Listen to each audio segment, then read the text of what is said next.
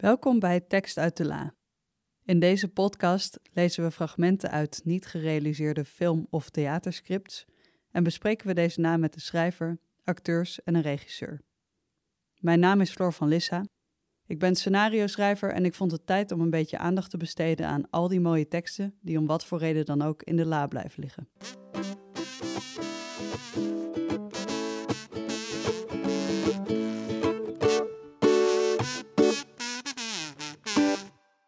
Goedemiddag, welkom bij de eerste aflevering van het tweede seizoen van Tekst uit de La. Ik ben super blij dat ik eindelijk weer iets eh, kan gaan opnemen en dat met jullie. En hier, want we zijn eh, te gast op het NFF in de prachtige theaterzaal van de Nieuwe Biep op de Neuden.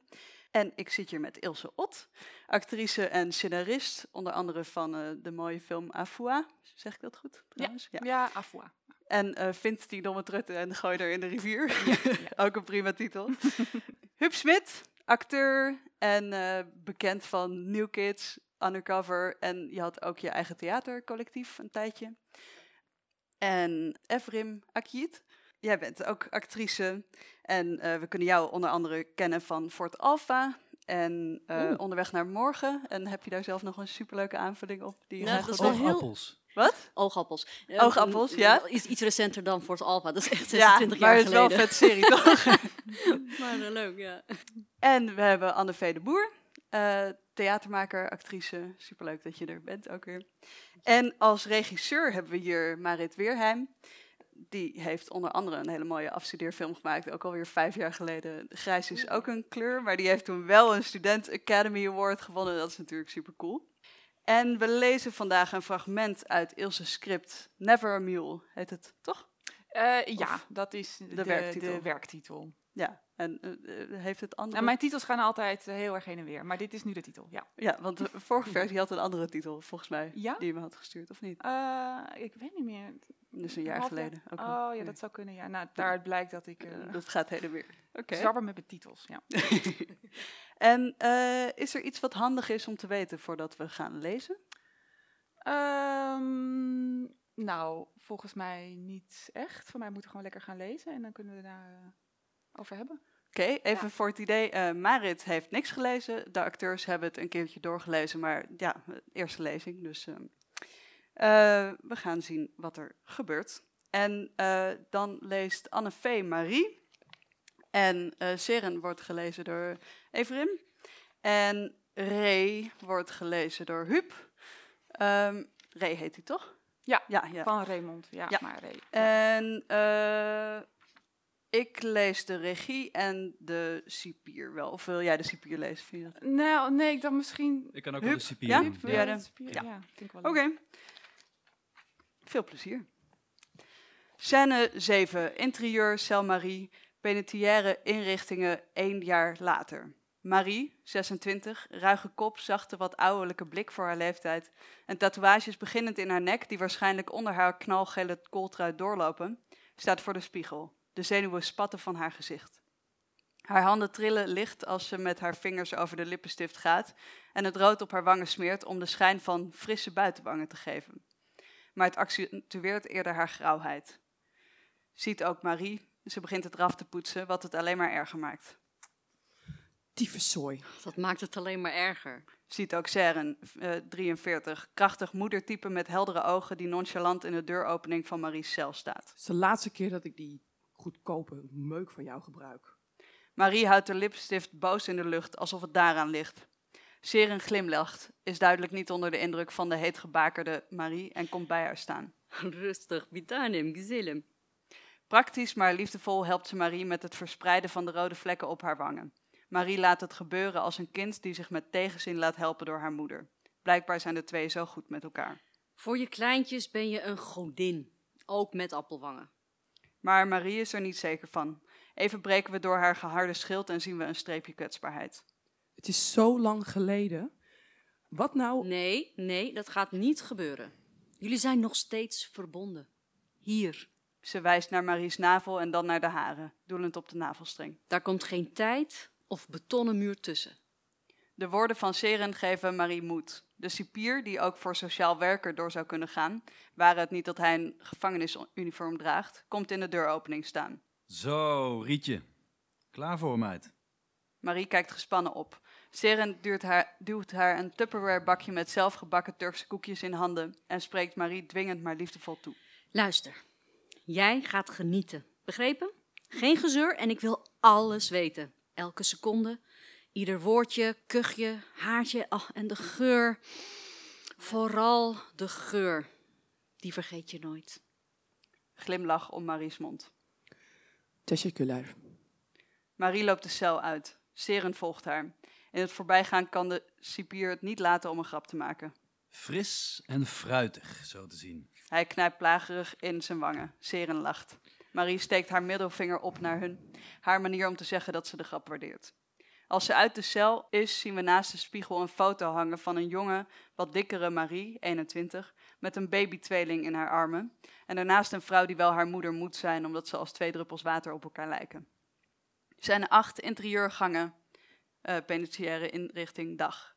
Zware metalen gevangenisdeuren worden van sloten gehaald en vallen met een harde klap dicht. Pam, kleng. De een na de ander. We krijgen het gevoel dat de mensen die hier vastzitten dat niet doen voor het stelen van een zakje chips. Marie loopt gespannen door de gangen, Tupperware doosje in haar zweterige handen. Achter en voor haar andere vrouwen, in hun mooiste kleding, net zo nerveus en ook zij hebben allerhande baksels vast. Niet het prototype zware criminelen wat je bij deze gangen zou verwachten. Scène 9, interieur, moeder-kindruimte, penitentiaire inrichting, dag. Een middelgrote ruimte die iets weg heeft van een kinderopvang. Kisten met speelgoed, in de hoeken kussens en knuffels, posters van Nijntje aan de muur. Het is ze gelukt om het niet op een gevangenis te laten lijken. Marie zit te wachten aan een kindertafeltje. Voor haar op tafel de koekjes uitgestald op een dienblad. Ze legt de koekjes netjes, die al netjes lagen. Om haar heen zitten de vrouwen net zo gespannen te wachten. Geluid op de gangen. Marie kijkt naar de deur, trekt haar kol nog wat omhoog over de pistooltatoeage heen. Ze is er klaar voor. Kinderstemmen achter de deur, smachtende ogen van de vrouwen. Dan gaat de deur open. Kinderen, twee, vijf, tien jaar, rennen enthousiast naar hun moeders. Marie kijkt naar de deur en schuift zenuwachtig op haar stoel. Ze werpt een blik op de andere vrouwen die hun kroost overstelpen met kussen en knuffels. Blik van Marie weer op de deur. Het duurt even. Waar blijven ze? Dan komt er een grote, wat pezige jongen in joggingbroek met Ajax-petje binnenlopen. Marie's blik verstart acuut. Tering, die checks, man. Die zijn niet normaal hier, oh. Ray van Raymond, 28, loopt met zo'n typisch de wereld is van mij loopje die voetbalhooligans hebben naar het tafeltje van Marie. Wat, wat doe jij hier? Ze kijkt langs haar broer naar de deur die wordt gesloten. Dat zwartje, hè? Die wilde me rectaal binnenste buiten keren. Waar zijn ze? Mocht je willen! Waar is Ma? Kanker. Is dit voor hobbits of zo? Ray? Echt, man. Alsof ik hier een fucking crimineel ben. Godverdomme Ray. Waar zijn Noelle en Zoe? Hey, ook fijn om jou weer te zien, Mol. Hij wil een koekje pakken. Marie schuift het dienblad abrupt door hem weg, kijkt hem recht aan.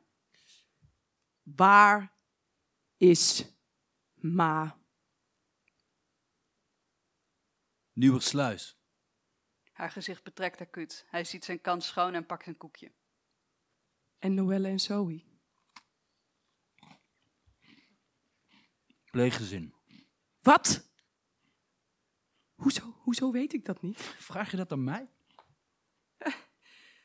Maar kon ze niet, niet thuis blijven? Bij jou en Chris? Ja, dat zei ik ook, ja.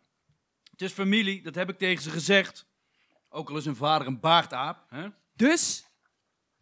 Dus, dus, niks. Hè? Chrissy en ik zijn geen voogd of zo. He- hebben ze gezegd waar ze zitten? Moet je bij jeugdzorg zijn. Hè? Mix van woede naar haar moeder en onmacht balt zich in haar samen. Het kost haar de grootste moeite om niet te ontploffen. Ze controleert haar ademhaling.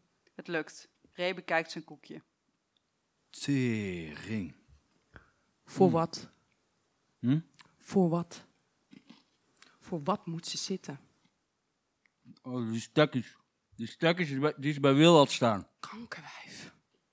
Precies. Hè? Als ze nou eens die theehuizen van die kankerturken omploegen. Hm? Maar nee, nee, moeten ze die auto's weer pakken. Hè? Die kankernatie daar. Marie kijkt naar een vrouw die puzzelt met haar kind. Ze kan wel janken, maar dat zou ze nooit doen in het bijzijn van haar broer. Ray ziet het en biedt haar op zijn eigen onhandige manier een koekje aan.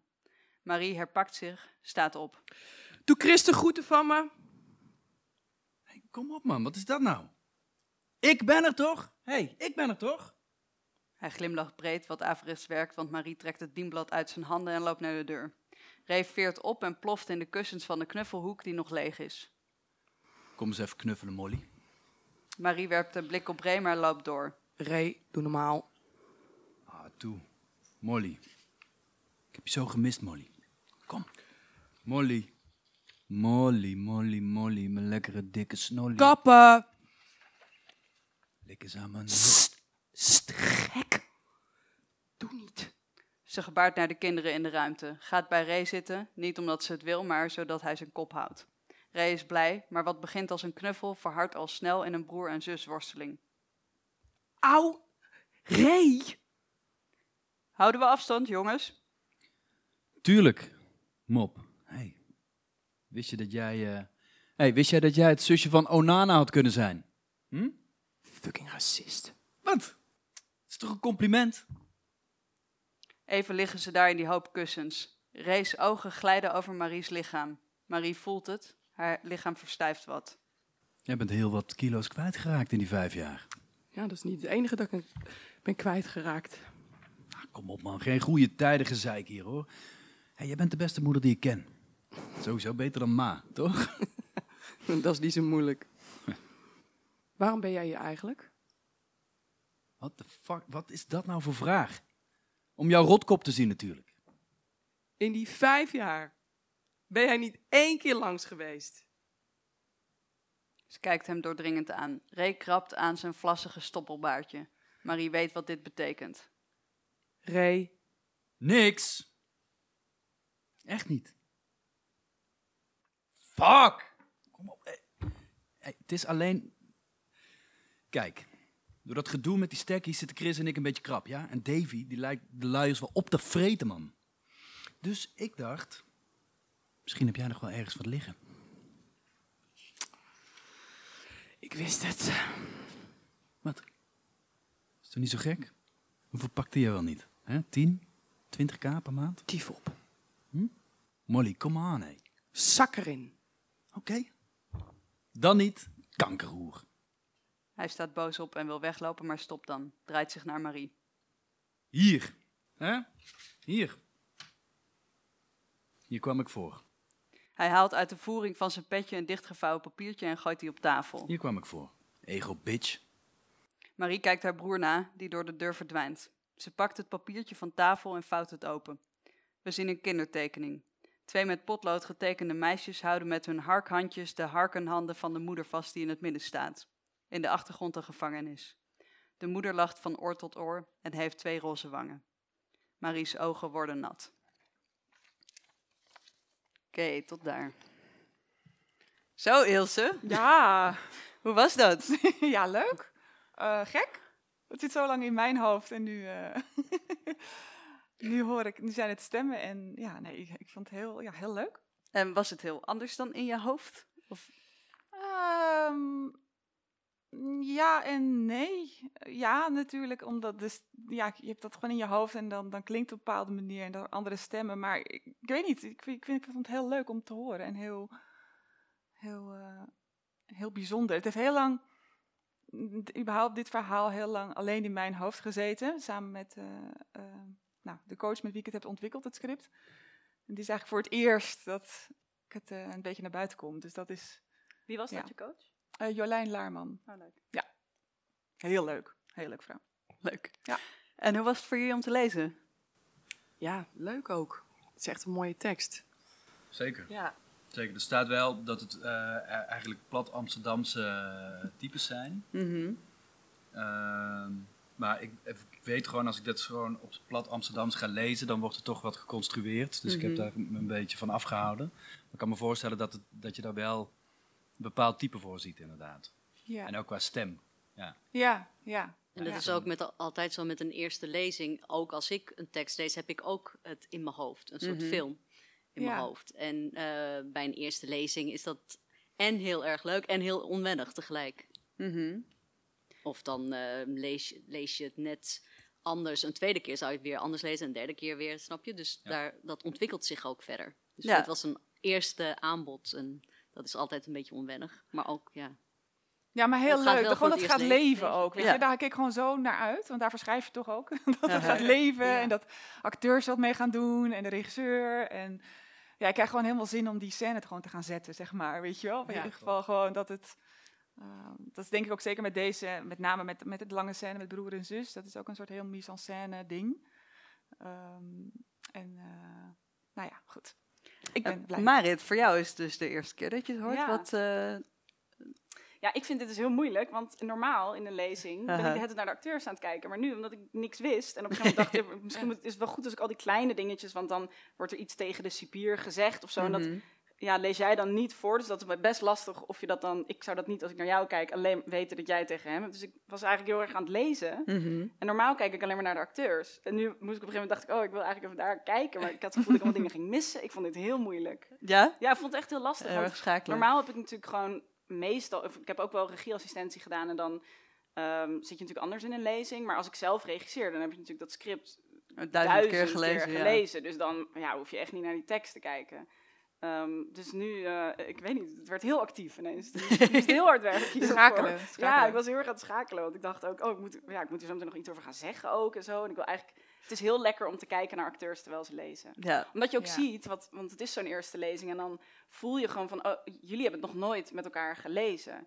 Dus als iemand één zinnetje net anders insteekt, dan verandert voor jou ook je tekst meteen weer van, oh, oh dat is de energie waarin we dit insteken of zo. En dat is heel spannend om naar te kijken. Het is Mhm. eigenlijk een soort improvisatie met tekst die je al wel had, wat heel gek is. En, dus dat is dat meestal wel genieten, maar ik heb het eigenlijk gemist, omdat ik eigenlijk... Sorry, Ja, ja. misschien een tweede keer kunnen doen. Nee. Oké. Ja, en je wil ook trouw blijven aan de tekst. Ja. Ik heb Ja. ook wel eens bij lezingen gezeten dat mensen gewoon helemaal losgaan. Mhm. Hebben een keer een lezing gehad waar Michiel Romein stond, hij- wat hij uitsprak, dat stond gewoon nergens, weet je wel. Dus- en dan moest je elke keer maar weer terug gaan vissen. Oké, waar zitten we ongeveer? Wat gaan we nu als reactie geven? Oké, dat we weer een beetje in die lijn komen. Maar de regisseur liet het ook gewoon gaan. Dat klinkt redelijk hels. Wel. Ik Best hoorde hels, i- i- ja, i- ja. bij jullie af en toe een what the fuck of een extra, extra neetje of een eh, dingetje. Ja, precies. heel klein. Ja, dat voelt Ja, maar ik vind dat ook niet, echt niet erg hoor. Nee. Ik ben echt niet, eh, ja, ik weet niet andere Ja, want wat zijn, voor, wat voor schrijver ben jij daarin? En is dat ook anders omdat je een actrice bent? Nou, ik denk wel dat dat wel eh, helpt. Dat, je wel, dat ik wel snap van. eh, ik vind het altijd zelf heel belangrijk dat acteurs zich goed bij voelen in de tekst of zo. Ehm, en kijk, natuurlijk, als, als Michiel Romein, zeg maar, dan hele andere dingen, dan zou ik daar misschien wel een beetje van wakker liggen. Als in de zin dat ik het wel een beetje spannend vind. Maar ik zie dat nooit als een soort van bedreiging. Ik zou dan het gesprek erover willen hebben. Oké, weet je wel, van waar komt dat dan vandaan? Of, of Ehm, kijk, ik weet heel goed wat ik wil vertellen. Ehm, maar dat komt niet aan op een vak meer of minder. Of een, een zin die net even anders, zodat die lekker uit je bek rolt. Ja, dat vind ik gewoon zelf heel, heel belangrijk. En ehm, ik heb ook in, in de films hiervoor die ik heb geschreven, dat de acteurs, dat waren dan hè, soms ook non-acteurs. Mhm. En dan, ja, dan, dan is het überhaupt gewoon hè, een beetje zoeken in dialogen. En, en dan schrijf ik het in principe wel op, wat het moet zijn. Maar als dat dan verandert, dan vind ik dat niet per se erg. eh, zolang het maar wel gaat eh, waar het over moet gaan. En, Ja, en, en het is natuurlijk ook wel, je schrijft natuurlijk ook wel met een bepaalde eh, manier van praten. Hè? Dat, dat, dat het personage zo praat. Maar zeker dan, hè, als het dan met non-acteur zou zijn, dan schrijf ik het, probeer ik het toch, als ik weet wie de cast is, zeg maar, of wie het gaat spelen, om daar iets meer op te gaan schrijven dan ook. Zodat eh, Ja. het gewoon natuurlijk voelt. Dat vind ik gewoon heel belangrijk. En voel je als, als acteur, nou, als je zo'n script leest, of misschien ook als, je, eh, als regisseur, eh, voel je bij het lezen soms al of die ruimte er wel of niet is vanuit een schrijver?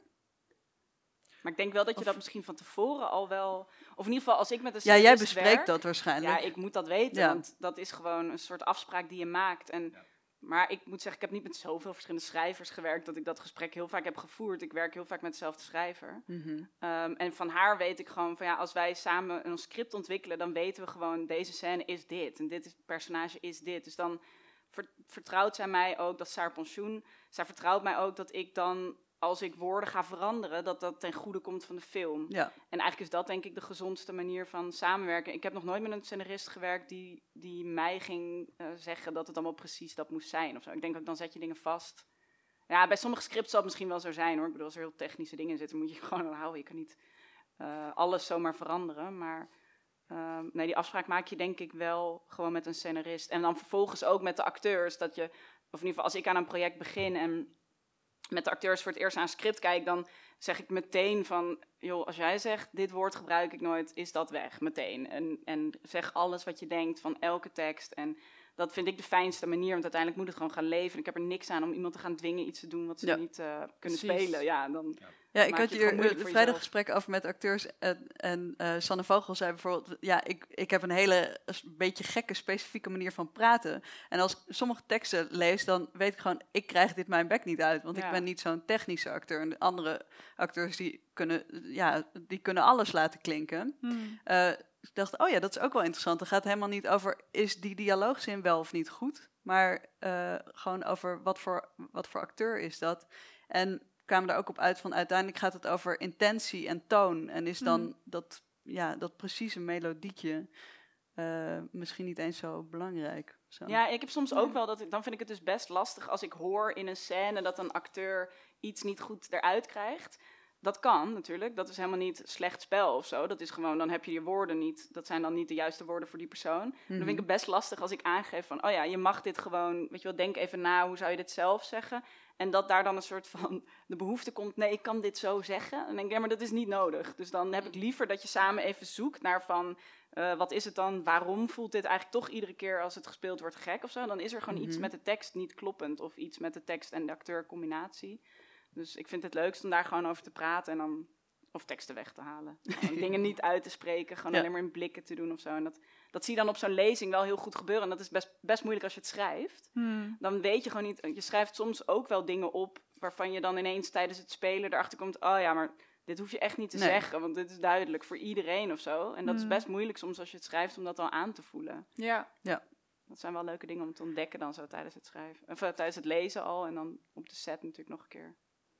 Hey, en even inhoudelijk eh, eh, naar dit fragment. Ehm, want waarom ben je begonnen met dit schrijven? Je hebt dit met een vrijplaats ontwikkeld, Ja. dus? Ja, ik heb Wat- het eh, ontwikkeld binnen de vrijplaats. En ehm, ja, ik liep al best wel lang met het idee dat ik iets wilde doen met vrouwen die ehm, terugkeren vanuit de gevangenis in de maatschappij. Ehm, eh, ik vertelde net al eventjes eh, dat mijn vader die werkte eh, vroeg in de gevangenis als cipier. En die kwam altijd ja, thuis met verhalen over, over de mensen die daar zaten. En Mhm. ehm, ik leerde al best wel vroeg dat het, ehm, zeg maar, die zwart-witte wereld van goed en slecht, dat daar heel veel tussen zit. van mijn vader. En dus ik heb daar altijd wel een soort. Maar ik mocht daar nooit naar binnen. dat is dan natuurlijk. Ik mag daar niet naar binnen. Behalve bij de koffieruimte dan. En, maar ik was altijd heel nieuwsgierig naar. En ehm, ja, toen, toen een paar jaar geleden, toen, toen speelde ik dan. eh, want hij, hij werkte in de, de, de koepel in Haarlem eerst en daarna in Alkmaar. En toen. eh, nou, mijn vader is inmiddels overleden, maar toen eh, kwam ik in een serie te spelen. En die speelde zich af in de gevangenis, waar hij werkte. Hm. Ehm, en opeens was ik binnen. en dat was, ja, dat was gewoon eh, zo bijzonder. En ik hoorde gewoon nou, al die verhalen van hem. En dan zag ik al die cellen. En ja, dat begon- mij gewoon enorm te leven. En toen zag ik daarna, eh, was toevallig dat toen een, een serie kwam van Anita Witsier, die dan bij vrouwen langs ging in de gevangenis. Die had een portretten gemaakt en die volgde die vrouwen. Ehm, en die vrouwen waren moeders. En, en hoe moeilijk het is om dat schuldgevoel als, als eh, hè, vaak vrouwen die vastzitten, die zijn dus ook moeder en die hebben een schuld- enorm schuldgevoel naar, eh, naar, niet naar hun daad, maar ook naar de kinderen toe. En ik dacht van ja, ik heb daar eigenlijk nooit iets. Ik weet helemaal niet hoe dat is, eigenlijk, hè, voor, voor, Mhm. voor die vrouw. En ik eh, ben daar heel erg ingedoken. En ehm, toen Ja. dacht ik van ja, er zijn heel veel films over mannen die terugkomen hè, uit de gevangenis. En hoe het moeilijk is het leven op te pakken. Maar voor vrouwen, dat, nou, ik heb daar allemaal onderzoeken naar gedaan, dat dat echt, echt anders is. En hoe, hoe doe je dat onderzoek dan? Ehm, nou ja, ik heb eh, verschillende vrouwen gesproken Mhm. ehm, eh, die, eh, ja, die, die moeder zijn en hebben gezeten voor, voor, voor langere of kortere perioden. Ehm, en voor de rest heb ik, er was, in 2018 was er ook een rapport uitgekomen waarin een, een, een- iemand had onderzocht, eh, eh, wetenschappelijk had onderzocht hoe het komt dat vrouwen ehm, dat vangnet wat zij eh, niet hebben als, als ze terugkomen ehm, ja, vanuit de gevangenis, dat dat hu- huis bijvoorbeeld, het hebben van een, een, een thuis, dat dat heel belangrijk is. En bijna nog belangrijk, vaak als mannen terugkomen uit de gevangenis, dan is er toch nog iets, of, of, of een vrouw of, of een netwerk. Maar bij vrouwen is dat vaak eh, minder het geval. Ehm, en ehm, is vaak ook het verwerking van trauma nog eh, een veel grotere eh, aandacht dat het moet hebben dan bij mannen. Omdat dat, nou daardoor, als dat niet goed verwerkt is, dat ze dan eh, sneller terugvallen in eh, oude patronen. En dat waren dingen die ik helemaal niet wist. Dus aan de ene kant verdiep ik me dan dus door wet, een soort van wetenschappelijk. Hè, en, en, en aan de andere kant de persoonlijke verhalen van, van de vrouwen die ik spreek. Ehm, Ben jij überhaupt een schrijver die heel veel research doet? ja, ja. Ja, zeker. Kijk, dit is ook natuurlijk een. een ik heb wat, wat Marie eh, heeft meegemaakt, dat heb ik natuurlijk nooit persoonlijk echt meegemaakt. Mhm. Hè? ehm, hoewel, het, het komt, je zit natuurlijk altijd zelf ook in als schrijver. Ehm, maar eh, dan vind ik het wel echt, als het binnen Arena is, dan moet ik me daar echt ja, goed in verdiepen. Anders voel ik niet dat ik daarover eh, over mag schrijven. Of ja, mag. Ja. Nee, ik vind dat belangrijk, laat ik het zo zeggen. Ja. Dat ik En, dat goed doe. en Marit, eh, als eh, regisseur, ben jij iemand die zich totaal ergens in verdiept? Ja, ik, sna- ik, ken, ik snap wel wat je bedoelt met dat je daar dan niet over mag schrijven. Ik heb dat ook. Ik denk, ik kan niet een film gaan maken als ik, als ik niet mijn uiterste best heb gedaan om er zoveel mogelijk van te weten. Want ik snij ook wel eens onderwerpen aan in mijn films die best wel specifiek zijn, die ik dan niet zelf heb meegemaakt. Bijvoorbeeld, ik heb een film gemaakt over armoede. Ja, dan, je gaat dan gewoon niet een film maken zonder dat je je daar helemaal in hebt gestort. Want anders dan ga je gewoon de plank misslaan. En daarvoor ben je denk ik geen verhalen vertellen. Want dan Mhm. wat ga je dan de wereld in helpen? Dan ga je iets laten zien waarvan je niks weet. Ehm, nee, daar zou ik me niet echt prettig bij voelen. Nee. Dus research is wel echt heel belangrijk. En er zijn natuurlijk verhalen waar je niet echt research voor hoeft te doen. Mhm. Eh, ja, misschien wat verhalen die je zelf hebt meegemaakt of zo. Dat, dat natuurlijk wel. Maar bij gevangenissen of bij zoiets als armoede denk ik, ja, dan dat is toch wel je verantwoordelijkheid als maker dat je daar, dat je daar goed eh, over inleest. Ja. En bouwt dat dan zo'n beetje op, zeg maar, het, kom je, heb je dan al wel dus een beetje het idee van, oh ja, ik wil iets met dat, dat moederschap of dat. eh, Ja. En eh, vind je dan door die research steeds meer je verhaal? Of heb je al meer als het ware de richting van je verhaal en ga je dat eh, body geven met research? Ja, het is voor mij persoonlijk is iets wat heel erg naast elkaar loopt de hele tijd. Ehm, door de research komen de ideeën en komt er opeens weer iets van jezelf naar boven. Denk, oh, dat herken ik. Of dat, ik weet niet, het heet iets wat elkaar aansteekt en, en verrijkt of zo. Ehm, kijk, ik heb bijvoorbeeld zelf, wat ik, ehm, dat, dat bepaald niet dat schuldgevoel naar, naar dat goed willen doen voor je kinderen. Of ik heb zelf eh, een kind, een dochter. En ik denk dat, dat de meeste moeders, en, en vaders waarschijnlijk ook hoor, maar in dit geval voor deze veel moeders, hè, het gevoel van ik wil het altijd goed doen. Hè, en, het, en het, als je het even niet er kan zijn, hè, als ik dan druk ben met, eh, met, eh, met, met mijn werk en dan niet kan zijn, dat dan het schuldgevoel gelijk weer enorm naar, naar de kinderen. Mhm. Ehm, dus dat, dat is iets wat, wat ik daar vanzelf in herken. En denk van ja, laat staan hoe het voor deze vrouw is natuurlijk, die daar zitten. Hè? En, eh, ehm, dus da- daar vult het zich wel bij aan. Ik, ik voel dat wel. Ik kan daar wel een beetje bij komen, zeg maar. En ik vind het ook belangrijk om het ook altijd weer naar een soort van universeel onderbuik, ondergevoel, wat we allemaal wel kunnen herkennen, daar naartoe te trekken. Mhm. Ehm, want dan hoop je gewoon dat de film ook voor mensen die ja, dan niet uit de gevangenis komen, hè, dat die daar ook zich toe kunnen verhouden. Ja. Ja. Ja. Want ik ben eigenlijk wel benieuwd, doen jullie bijvoorbeeld, zouden jullie, als je zo'n film gaat doen, in hoeverre doen jullie dan research voor rollen? Nou, dat wilde ik eigenlijk ook vragen. Want meestal als ik een personage speel, dan. ehm, ja, of ik her- herken heel veel, dus dan zoek ik veel bij mezelf. Maar meestal heb ik ook eh, anders iemand ehm, als inspiratie. Eh, gewoon iemand die ik ken of eh, iemand die ik ben tegengekomen tijdens een onderzoek. Ik vroeg me af of jij dat dan ook hebt als je bijvoorbeeld over Marie schrijft of de ontwikkeling van de personages, of je dan ook mensen in je hoofd hebt waar je het een beetje uitput. Of, want ik doe dat Ehm, inderdaad wel ja. een beetje af en toe. Ja. Ja, eh, het hangt heel erg van de film af. eh, Van de, ehm, bij dit verhaal heb ik dat wel, maar het is een soort van collage Hmm. van mensen. Ik heb bijvoorbeeld, wat een grote inspiratie qua type, is, is een ehm, documentaire ik heb gezien, die heet Jolene. Eh, die gaat over een, eh, ja, een vrouw die komt echt uit eh, Amsterdam. En die is eigenlijk ehm, ja, best wel uit die F-side eh, ehm, eh, kring komt zij. En zij ehm, zit ook onder de tatoe- tatoeages. Echt gewoon een, een, een rauwe vrouw. Die gaat op een gegeven moment, stopt ze met, met criminaliteit en gaat, wordt ze, wil ze psycholoog, psychologie gaan studeren.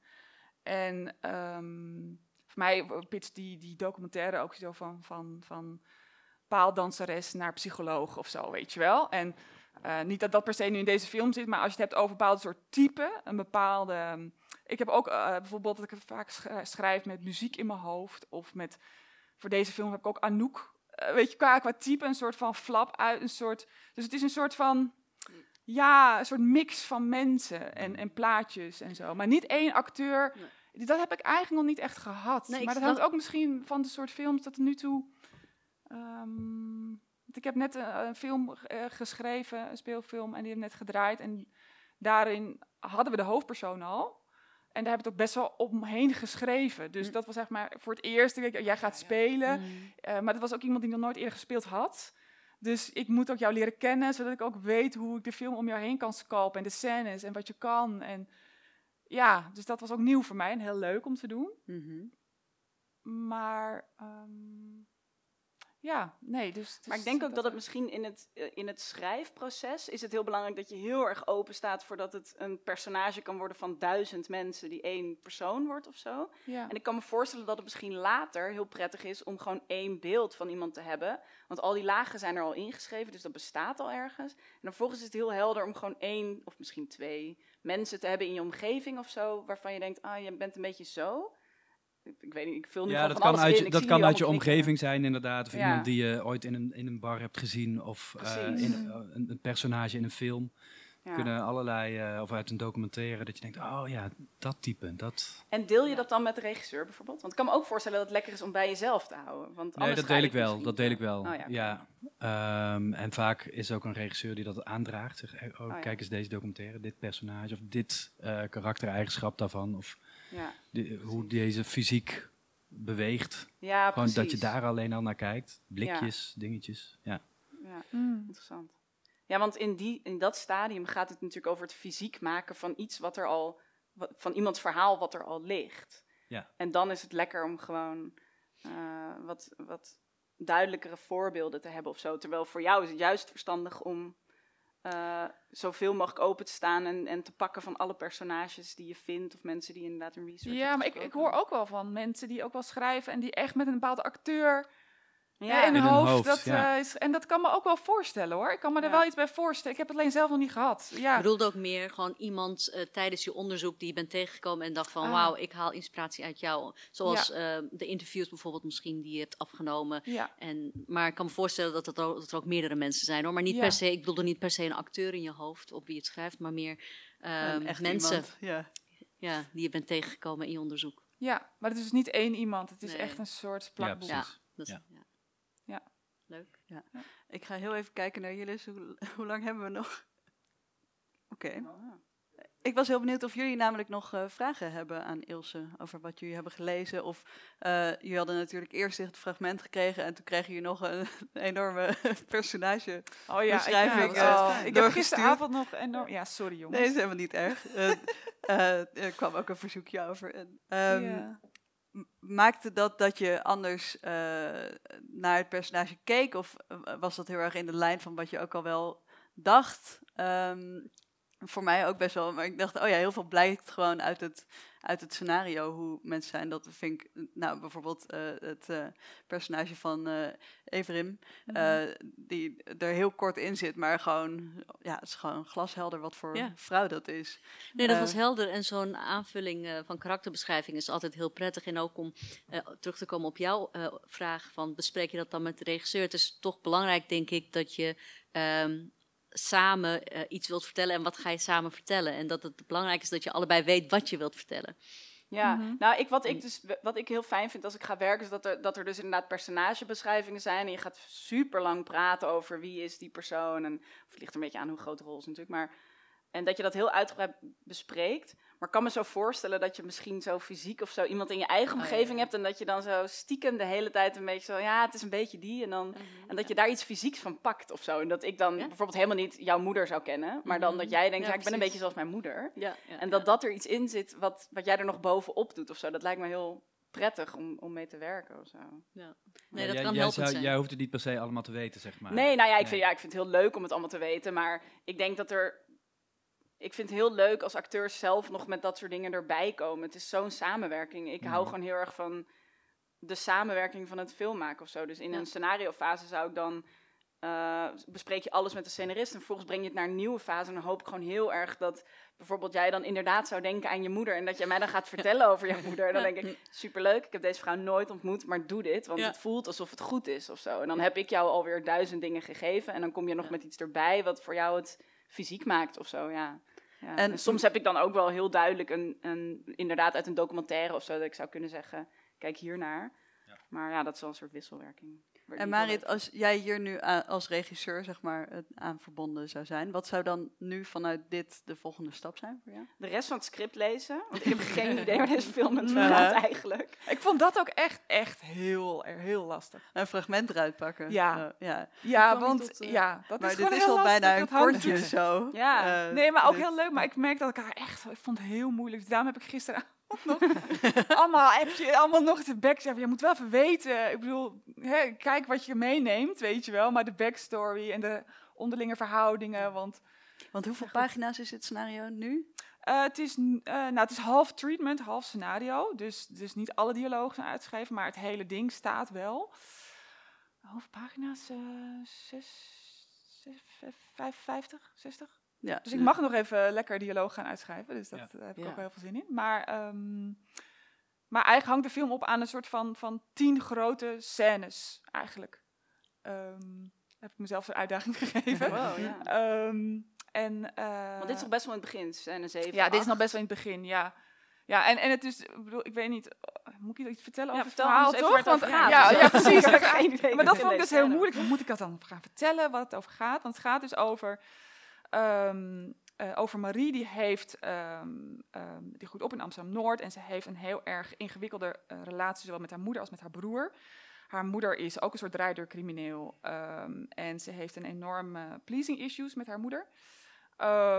En ze is heel erg hecht. Het is allemaal een soort backstory nog eigenlijk, hè? Mhm. Want de film begint eigenlijk eh, als Marie in dat laatste maanden zit van haar eh, gevangenisschap. Want ze heeft vastgezeten voor eh, mensensmokkel.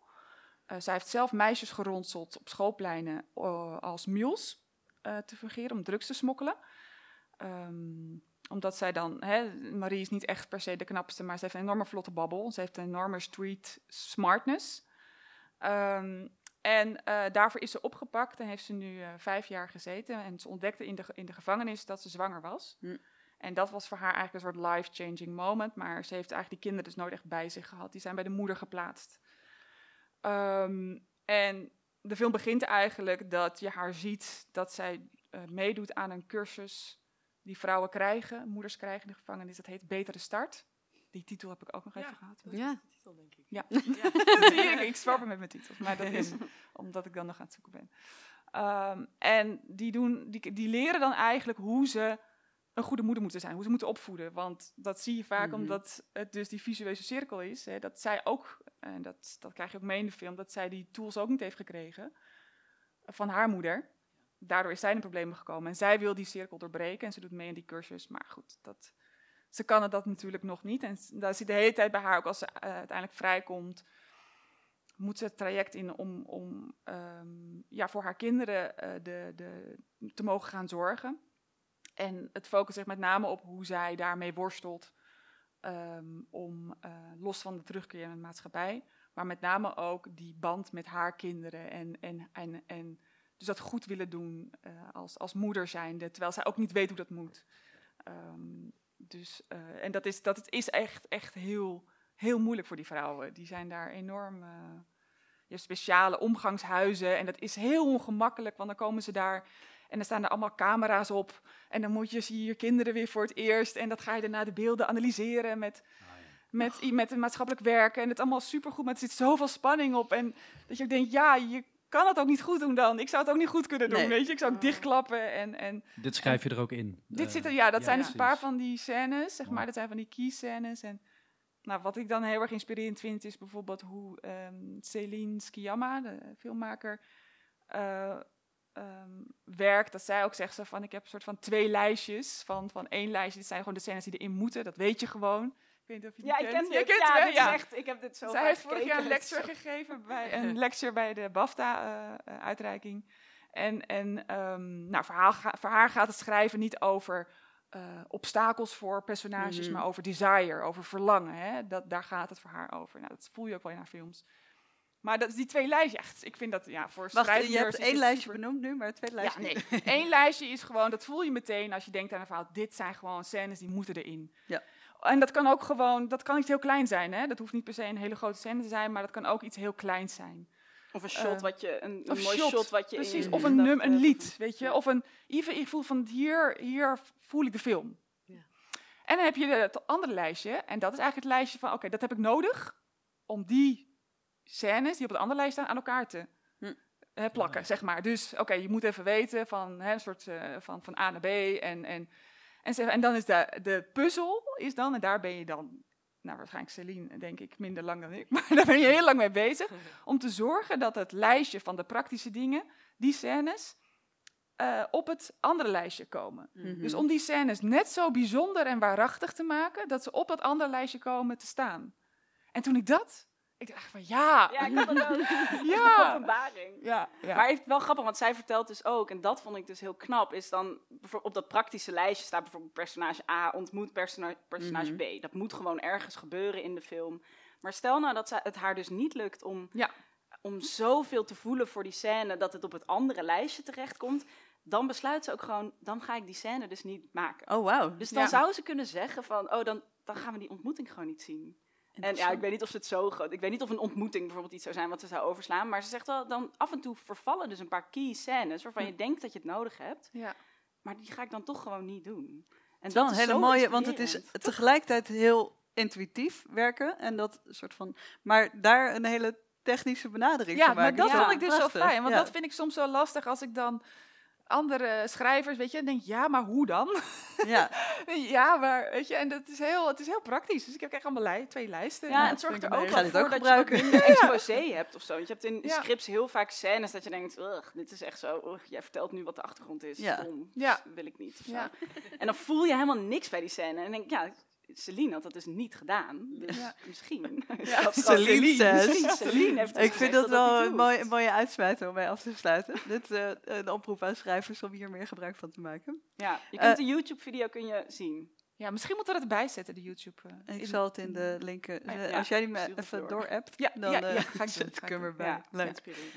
heel veel dank dat jullie deze eerste aflevering van seizoen 2 net me wilden maken. Nou, dankjewel dat je mocht zijn. En veel dank aan het NFF ook. En aan de techniek hier zo, Herman en Jillis.